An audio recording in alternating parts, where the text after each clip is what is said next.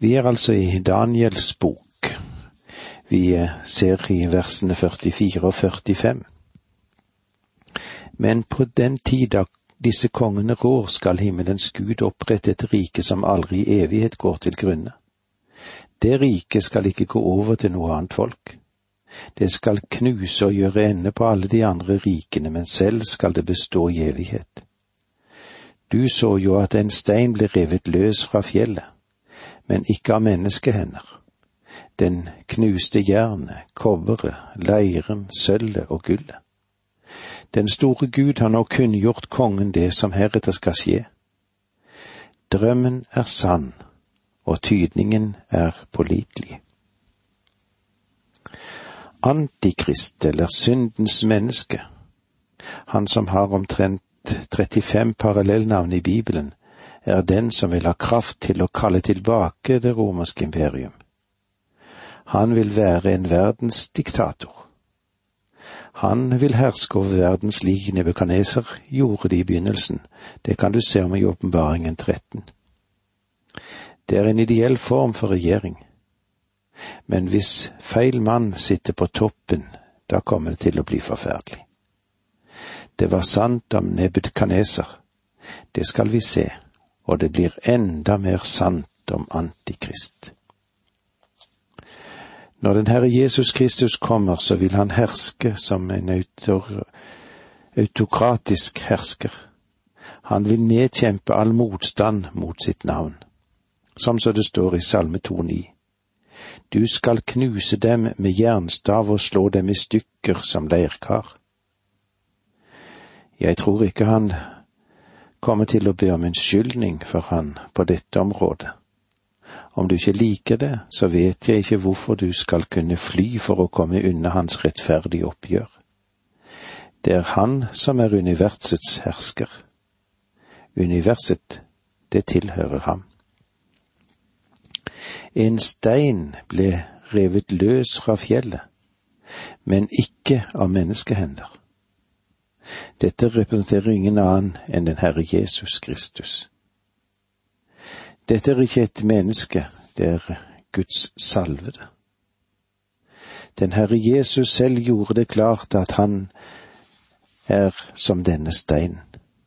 På hans tid var det kanskje flere mennesker som forsto hva han sa enn menneskene forstår i dag. I Matteus 21,44 så sier han, om den som faller mot denne stenen skal skade seg, men den som steinen faller på skal bli knust. Han er stenen, den levende sten, grunnstenen, eller som det står i første Korinterbrev 3.11. Ingen kan legge noen annen grunnvoll enn den som er lagt, Jesus Kristus. Om du faller på den sten, det vil si hviler i ham i tro, kommer du som er uten noe annet å ty til enn at hans blod ble utgydd for deg. Du er såret og kommer som en synder. Uten å kunne tilby noe, så er det tilstrekkelig. Han er en vidunderlig klippe å hvile på. Stenen er et av de mange bilder i Skriften som taler om Kristus i hans tjeneste som frelser og hans tjeneste som dommer òg. Han er frelsens klippe. Han er dommens klippe. Dette kan du se om i Femte Mosebok 32. Disse versene som vi har vært innom i Daniels bok, taler om det øyeblikk når han kommer til jorden som dommer for å gjøre ende på all motstand mot Gud. Henvisningene de er til Kristus sitt ankomme til jorden, som beskrives for oss i detalj i Åpenbaringen 19, der vi kan se dette fra vers 11 til 21. Han er den mektige hersker og omvelter, og dette er nevnt igjen og igjen i Skriften. Det kan du se i Sakarias og i Joel og i Jesaja og i salmene. Mennesket det har en lidenskapelig kamp om å herske over denne jorden, eller å opprette et utopia. Det kommer til å ende i ødeleggelse av den såkalte sivilisasjonen som vi lever i i dag. Det er vanskelig å få dette inn i vår tenkning. Vi lever i en verden som er dømt. Denne verden står ikke på prøve. Jeg hører stadig at mennesker sier jeg tar min sjanse. Du har ingen sjanse. Du er tapt, du er uten Gud, om du ikke har fattet tro og tillit til ham. Du har ingen naturlig evne til å fange en Gud. Alt du har i ditt hjerte er kanskje en liten lengsel etter å være litt religiøs. Du kommer kanskje av, det kommer kanskje av at eh, du vil innkassere en evig tributt for du gikk på søndagsskolen noen ganger. Det du trenger er å stole på Kristus som frelser.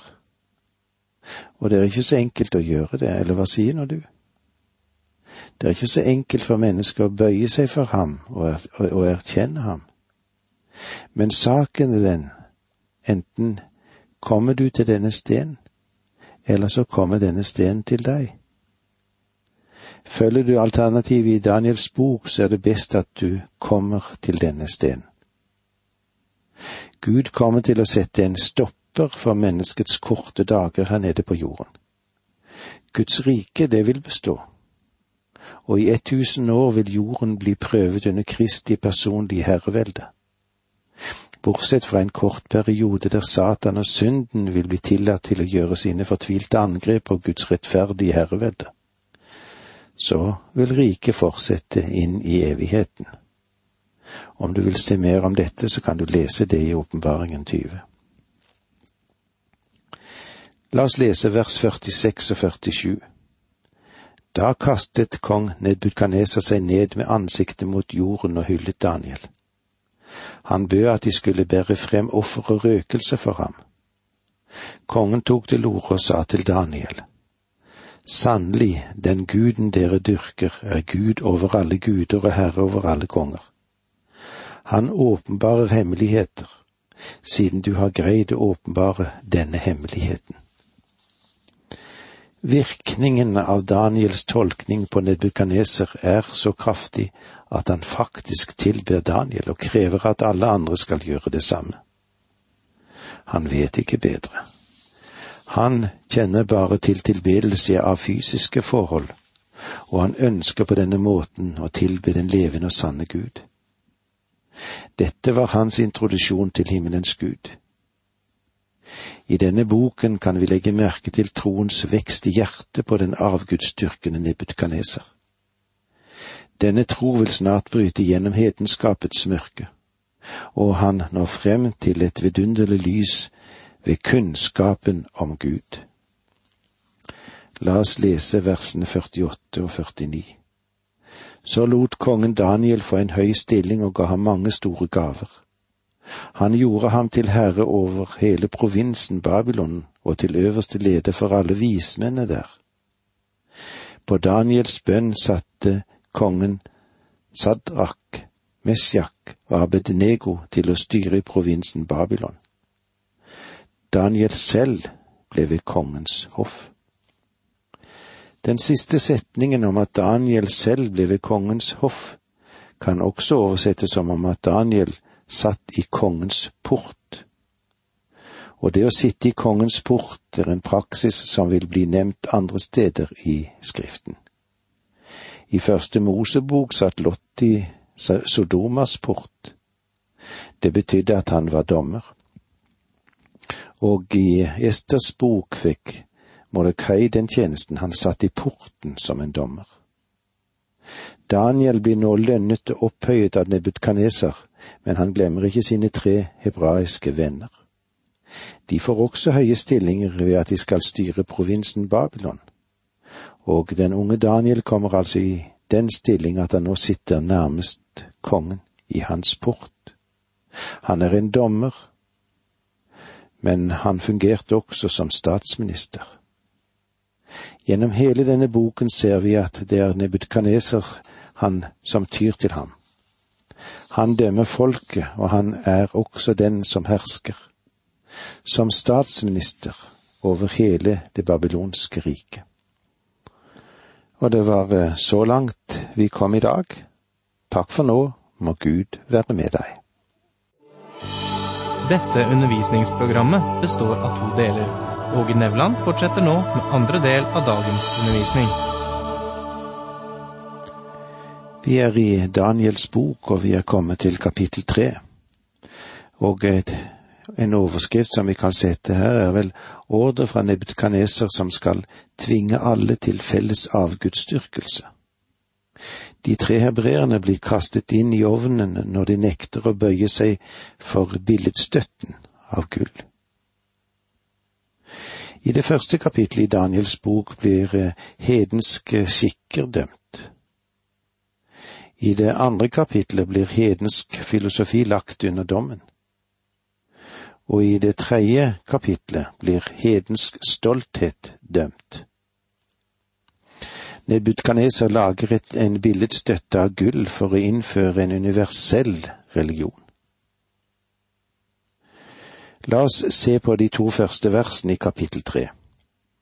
Kongen Nebukadneser laget en billedstøtte av gull, 60 alen høy og 60 alen bred, og stilte den opp i Duradalen i provinsen Babylon. Så sendte kong Nebukadneser bud til sataperne, stattholderne og landshøvdingene, rådgiverne og stattmesterne, de lovkyndige dommerne og alle provinsstyrene og kalte den sammen til innvielsen av billedstøtten som kongen hadde reist. En billedstøtte av gull. Det sier noe om den kolossale rikdom som fantes, og det høytstående håndverk som var til å skape og lage denne statuen.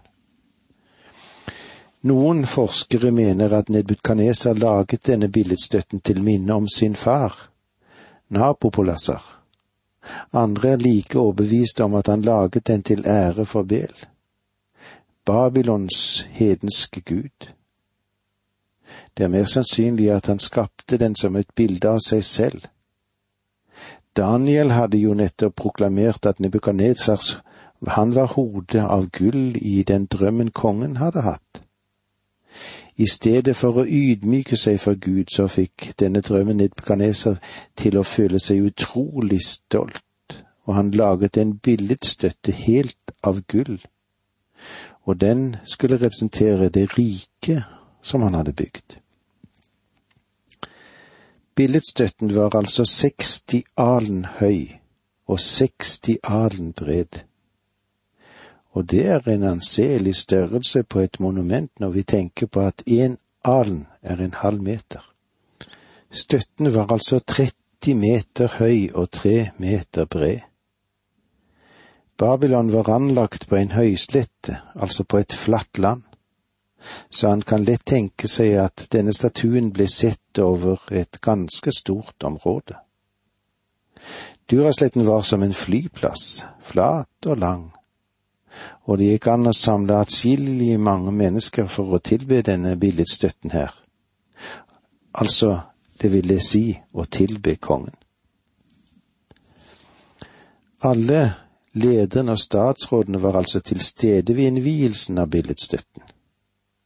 Det var bare toppene som var invitert. De skulle selge dette prosjektet til folket.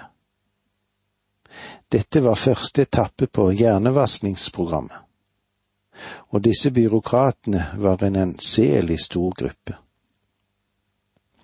Hva hadde Nebukadneser egentlig i tankene da han laget denne billedstøtten? Vi kan kanskje slutte oss til tre ting her. Den første, denne billedstøtten representerer Nebukadnesers opprør mot himmelens gud, som hadde gitt ham verdensherredømme.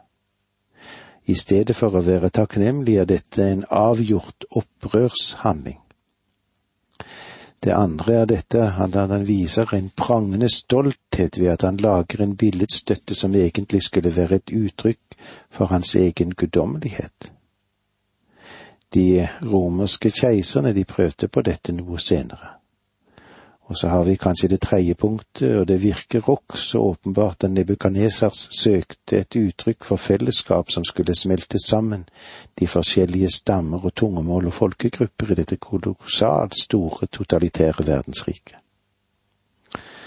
Med andre ord prøvde han å instituere en verdensreligion.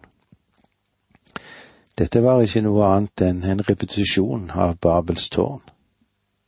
Utforming av en religion for hele verden. Det er mange som forsøker å arbeide mot en slik, henimot en slik verdensreligion også i dag. Tendenser kan vi finne innenfor den økumeniske bevegelse. Det har kanskje alltid vært det. De har, de har hatt det som et håpefullt endelig mål. Ikke alle disse forsøkene er uttrykk for å tilby den levende og sanne Gud, men eh, det er mer et uttrykk for menneskelig makt og strid mot hans vilje. Forsøket på å danne en slags verdensreligion er et ledd i den bevegelse som leder frem til og henimot den store trengsel. Til syndens menneske og den falske profet. Men nå taler jeg om forsøk som vil bli gjort etter den sanne menighet er rykket bort fra jorden. Hver troende i Kristus, hvem det enn måtte være, uansett hvilken farge han har og hvilket kirkesamfunn han tilhører, den som stoler på Kristus, vil hentes hjem for å være sammen med ham. Innvielse av billedstøtten av gull. Vi leser nå vers tre, kapittel tre. De kom sammen til innvielsen av støtten som kong Nebutkaneser hadde reist både satrapene, stattholderne og landshøvdingene, rådgiverne, stattmesterne og de lovkyndige dommerne og alle provinsstyrene, da de sto foran billedstøtten som Nedbukaneser hadde reist. Nå var altså innvielsesdagen kommet. Alle var til stede, men eh, det var én som ikke var der. Daniel. Vi tror at han hadde god og legitim årsak til å være borte. Kanskje han var opptatt med viktigere ting, noe som angikk staten. Han eh, var i en enestående stilling, og han er fremdeles rådgiver for Babylons konge, og samtidig en av verdens fremste herskere. Syn av denne veldige billedstøtten av gull på Duras høyslette virket så imponerende. Så imponerende som en kjempemessig romfartsrakett kan virke på nært hold. Det må ha vært et veldig skue for øyet, dette her. La oss se litt videre i versene fire til seks. Ropte herolden med høy røst. Hermed blir det kunngjort for dere folk og stamme med ulike språk så snart dere hører lyden av horn, fløyte, sitar, harpe, lutt, sekkepipe og alle andre slags instrumenter skal dere falle ned og tilbe gullbildet som kong Nebukadneser har reist. Den som ikke faller ned og tilber, skal straks kastes i ovnen med flammende ild. De kjente ikke noe til friheten til å tilbe ved denne innvielseshøytiden. Da orkesteret begynte å spille, skulle de alle sammen falle ned og tilbe billedstøtten. Her er ikke noe rom for spontan, personlig religionsutøvelse. Dette er organisert på forhånd. Legg merke til de forskjellige instrumentene i orkesteret. Horn. Det er et treblåsinstrument. Fløyten er et blåseinstrument harpen et strengeinstrument, lytt et strengeinstrument med høye overstrenger, sitar et strengeinstrument i likhet med harpen, og sekkepipen, som vel var et blåseinstrument, men langt fra utformingen av nåtidens sekkepiper. Og så sies det også og alle andre slags instrumenter, som betyr at det var flere typer musikk representert kanskje flere grupper som spilte sammen. Det kan altså ha vært slik at flere orkestre spilte sammen i et hele. Men eh, la oss nå kalle det for Kaldeas filharmoniske orkester. Poenget er, dette var mer enn en vielse. Mennesker var tvunget til å tilbe. Men sann tilbedelse er et uttrykk for det som bor i ens hjerte. Den kan ikke tvinges frem. Så det er mer rett å si at mennesket gikk igjennom en ytre form for tilbedelse. Musikken ble brukt for å appellere til følelsene, og musikk som har en åndelig karakter, er en vidunderlig hjelp i en gudstjeneste. Men noen, gang, noen ganger, også i kristne kretser, er det vanskelig å fortelle hva som er forskjellen på åndelig musikk og det vi kan kalle for verslig musikk. Paulus hadde mye å si om viktigheten av sang og musikk, ja, slik som de troende burde ha det når de skulle tilbe, for han sier det i Efesene 5.19. Og si frem for hverandre salmer og hymner og åndelige sanger. Syng og spill av hjertet for Herren. Og i Kolosserbrevet 3.16 leser vi, La Kristi ord få rikelig plass hos dere, så dere med visdom kan lære å rettlede hverandre med salmer, hymner og åndelige sanger. Syng for Gud av et takknemlig hjerte. Lyder sangen slik hos oss? Kanskje det er noe vi burde tenke på, både du og jeg. Takk for nå, må Gud være med deg.